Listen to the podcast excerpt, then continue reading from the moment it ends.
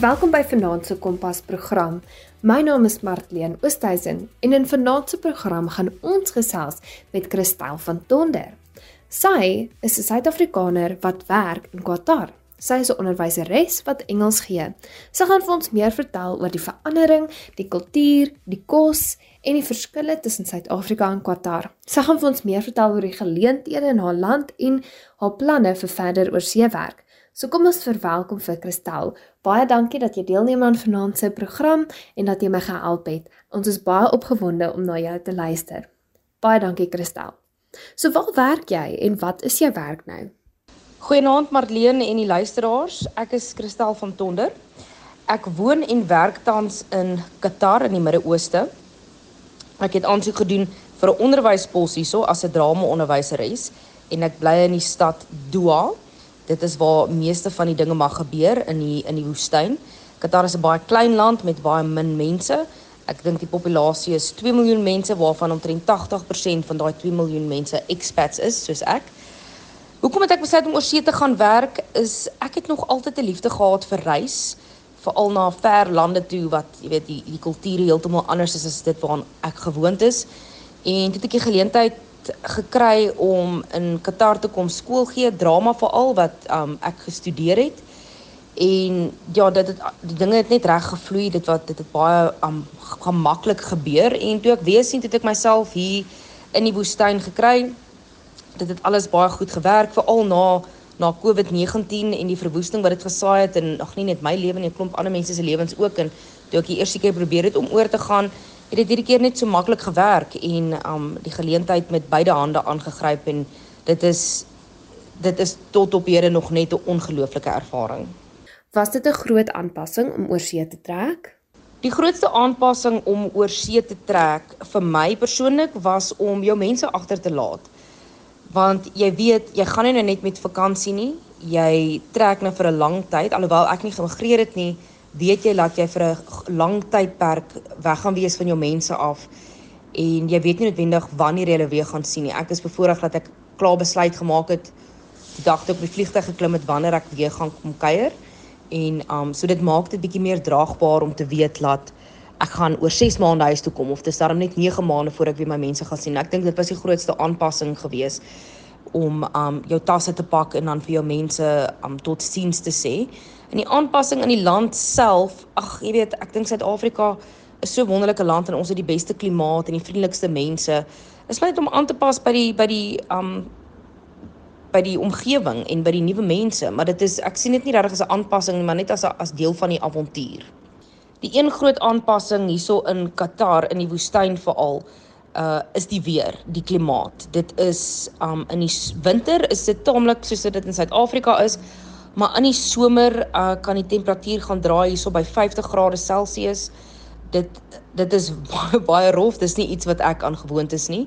Ek dink nie enigiemand um wat nie in die woestyn woon kan hulle kop daaroor kry om te verstaan hoe warm 50 grade Celsius is nie vir alles jy moet buite gaan staan en wag vir die bus of vir 'n kar om jou te kom haal of die die afstand wat jy moet stap van die bus tot by die by die skool in die klaskamer nie.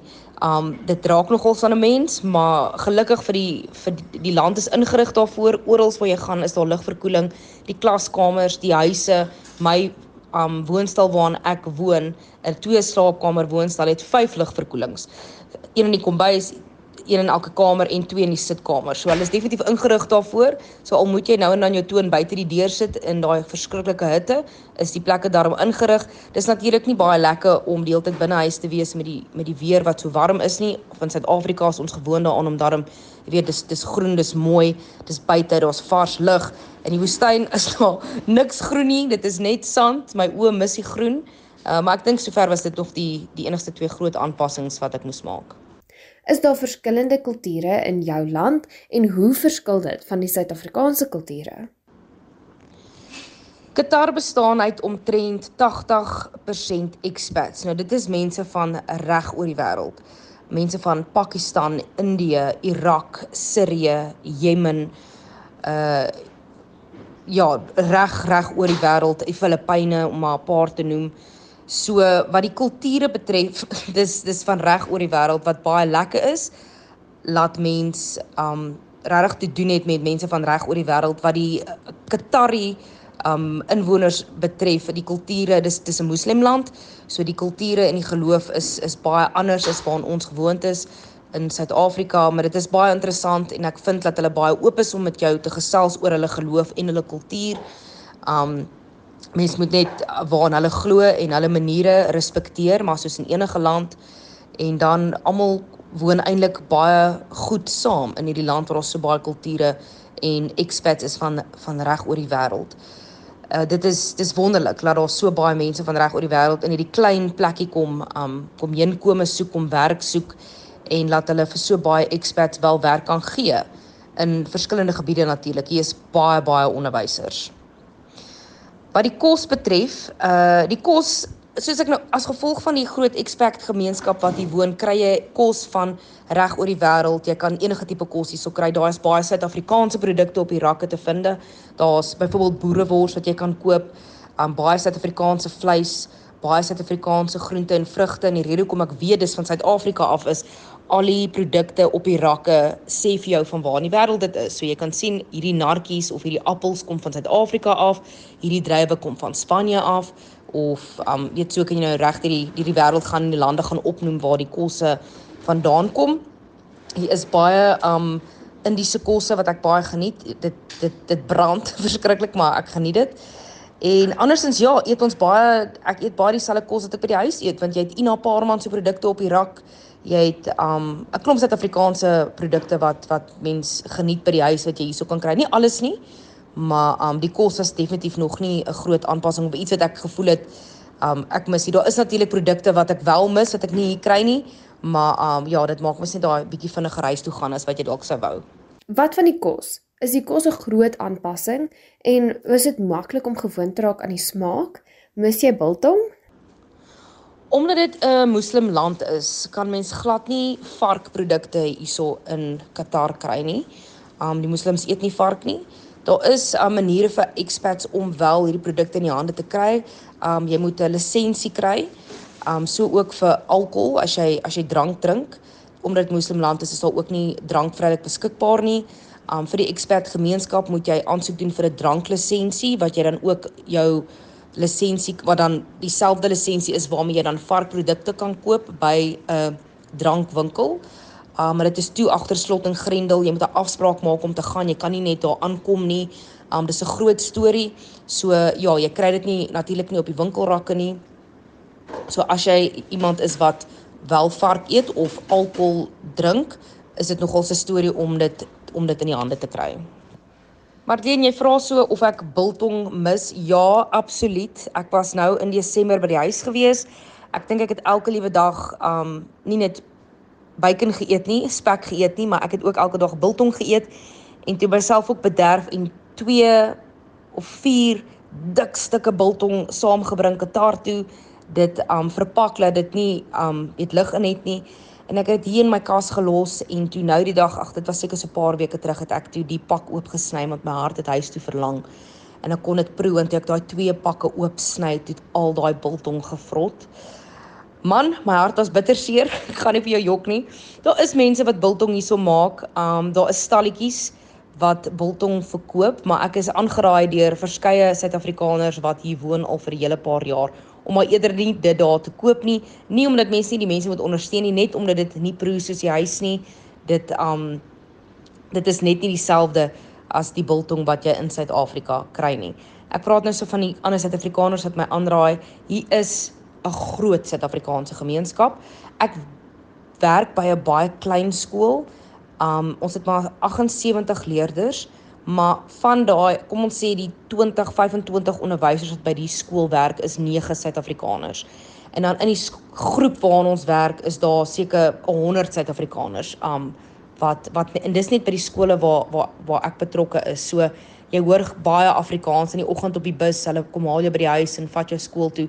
Almal praat Afrikaans op die bus. Dit voel regtig of jy in Suid-Afrika is as jy net nie by die venster uitkyk en die dorre woestyn sien nie. Um ja, so daar's 'n groot Suid-Afrikaanse gemeenskap hierso, hier waar ek woon ook. Dis baie lekker. Um jy praat jou huistaal en as jy iets mis, kan jy na iemand toe gaan, hulle mis dit saam met jou. Jy weet en jy kan staaltjies uitdeel en daar's nou Suid-Afrikaners wat huis toe gegaan het vir die vakansie en dan sal jy jou bel en sê kort jy iets van die huis af. So dis baie lekker dat daar so groot nie net Suid-Afrikaans nie, maar Afrikaner gemeenskap is met wie jy jou taal kan praat. Is daar geleenthede in jou land vir jong Suid-Afrikaners wat dalk oorsee wil gaan werk? Daar is heelwat werksgeleenthede vir jong mense vanuit Suid-Afrika in Qatar. Jy kan in 'n uh, koffiewinkel gaan werk as 'n kelner. Jy kan ook werk kry as 'n kinderoppasser. Daar is baie van die Qataris wat um, baie kinders het en ek het al gesien in die winkelsentrums en Swaan, hulle het altyd een of twee kinderoppassers saam met hulle. Ja, die Qataris het verskriklik baie geld. Um ja, so hulle het nie net een oppasser nie, hulle het sommer twee of drie. So daar is um geleenthede vir jong mense wat dalk in die buiteland wil werk as 'n barista, as 'n kelner, as 'n oppasser. Um ja, ek seker as mens bietjie dieper gaan duik, sal mens beslis 'n bietjie meer poste kry of meer geleenthede vir vir jong mense. Ek moet noem dit is een van die veiligste lande om in te woon dit is baie baie veilig vir 'n vrou enige iemand om in die aand te gaan rondloop om op jou eie in 'n Uber te klim of dalk net om die blok te gaan stap of te gaan draf in die aand 7 uur. So vir enige iemand wat daaraan dink om wel Qatar toe te kom, jou ma of wie ook al is kan met geruste hart gaan slaap en weet jy is in veilige hande. Wat is die mooiste goed wat jy al gesien het in jou land? Qatar is 'n woestyn So hulle het baie van hierdie geleenthede wat hulle noem 'n woestyn safari. Dan klim jy in 'n 4x4 voertuig saam met 'n vreemdeling en dan jaag hulle vir ure met jou rond tussen die duine en van die duine af en jy hou omtrent vas waar jy kan met jou naels in jou tande en jou voete en jy skop styf soos dit hulle jou hier oor die duine jaag. Dit is werklik 'n ongelooflike ervaring. Ek dink soos baie Suid-Afrikaners um naweke uh Valdam toe gaan om te gaan waterski, gaan die Qataris hierso in die woestyn en in jaag rond met hulle voertuie. Daar het ek in die woestyn rondgejaag, dan vat hulle jou na die binnelandse see toe en as jy daar staan binne in die water kan jy Saudi-Arabië sien by die binnelandse see. Die son sien sak daar tussen die twee lande. Dit was werklik 'n belewenis gewees. En dan het ons ook gekamp een aand in die woestyn wat hulle vir jou kos maak. Um en waar jy die son sien sak hier in die woestyn. Dit was bitterkoud geweest, maar dan slaap jy op die vloer en um weet kry jy nie die hierdie gevoel soos hoe die ou Qataris dit gedoen het in die woestyn. Dan kan jy kan natuurlik ook op 'n kameel ry en um hulle het baie valke hierso. Dis 'n is 'n groot kultuur van dit is 'n status simbool om 'n valk te hê. So jy kan ook as jy graag sou wou 'n valk vashou. En dan het ek um gister teruggekom van 'n weeklange, nie so oor 'n weeklange toer in Indië. Ons het nou skoolvakansie gehad vir so 10 dae. En dit is baie goedkoop om van hier af Indië toe te vlieg en dit was nog altyd op my lysie van lande wat ek graag sal wil sien. So dit was een van die beste ervarings wat ek nou 'n lang tyd gehad het. Natuurlik het ek die Taj Mahal gesien, dis die monument van liefde vir die luisteraars wat nie die geskiedenis ken nie, kan ek werklik aanraai om om dit te gaan oplees. Dit is een van die sewe wonders van die wêreld. Daar het ons ook na Jaipur toe gegaan. Dit is hulle noem dit die Pink Stad. En dit is omdat al die groot gedeelte van die ou stad in Jaipur is alles pink. En dan het ons ook natuurlik die Mal Delhi aangepak, die hoofstad Delhi. Dit is werklik 'n belewenis om daai chaos te beleef. En iemand het my vroeër vanaand gevra, weet hoe sal jy dit dit beskryf? En daar's onlangs 'n film wat 'n Oscar gewen het vir beste film en die die film se naam is Everything Everywhere All at Once. En dis werklik hoe, hoe ek my ervaring in Indië kan beskryf. Everything Everywhere All at Once. Uh ek het gisteraand teruggekom en môre begin ek weer met skool en sien uit om binnekort my volgende toer te beplan omdat Qatar in die middel van die wêreld is, is dit werklik maklik en vinnig om van hier af vinnig op 'n vliegtuig te klim en na jou droombestemming toe te vlieg. Het jy planne om na 'n ander land te beweeg of om terug te kom na Suid-Afrika? Madeleine, ek bly altyd 'n Suid-Afrikaner en my hart klop altyd uh huis toe en ek het geen planne om te immigreer op hierdie stadium nie. Ek sien dit kan nie gebeur nie, maar op hierdie stadium is ek nog 'n volbloed Suid-Afrikaner wat nog gaan huis toe keer. maar om moontlik in 'n ander land te gaan skool gee is beslis 'n moontlikheid. Ek is mal oor Qatar, die geleenthede wat die land my bied, die veiligheid. Um ek geniet dit baie hierso. Ek kan myself hierso sien 'n hele paar jaar deurbring, maar daar's so baie ander lande wat ek nog sal wil sien waar ek ook die werk kan doen wat ek nou doen en baie weet goeie geld kan verdien. So ja, die die opsie en die moontlikhede is daar om iewers anders heen te gaan. Vir die oomblik is ek nog gelukkig in Qatar. Ek is um ek gaan September maand is dit maar 'n jaar wat ek hierso is. So dis nog weet nog nog nie baie lank tyd dat ek hierso is nie. Maar ja, beslis, ek hou maar die wêreldkaart dop en met my koutjie pen hou ek maar een oog op die kaart om te sien waartoe sal ek volgende wil gaan. Hoe was dit om aan te pas by die rotine van jou nuwe werk? Ah, die rotine en die aanpassing van my nuwe werk. So, voordat ek uh hiernatoe gekom het, het ek vir Moneyweb gewerk en my dag het heelwat later begin en heelwat later klaar gemaak. So ek het eers 9:30 in die oggend was my eerste vergadering gewees en ek het van die huis af van die gemaklikheid van my eie bank afgewerk by die huis.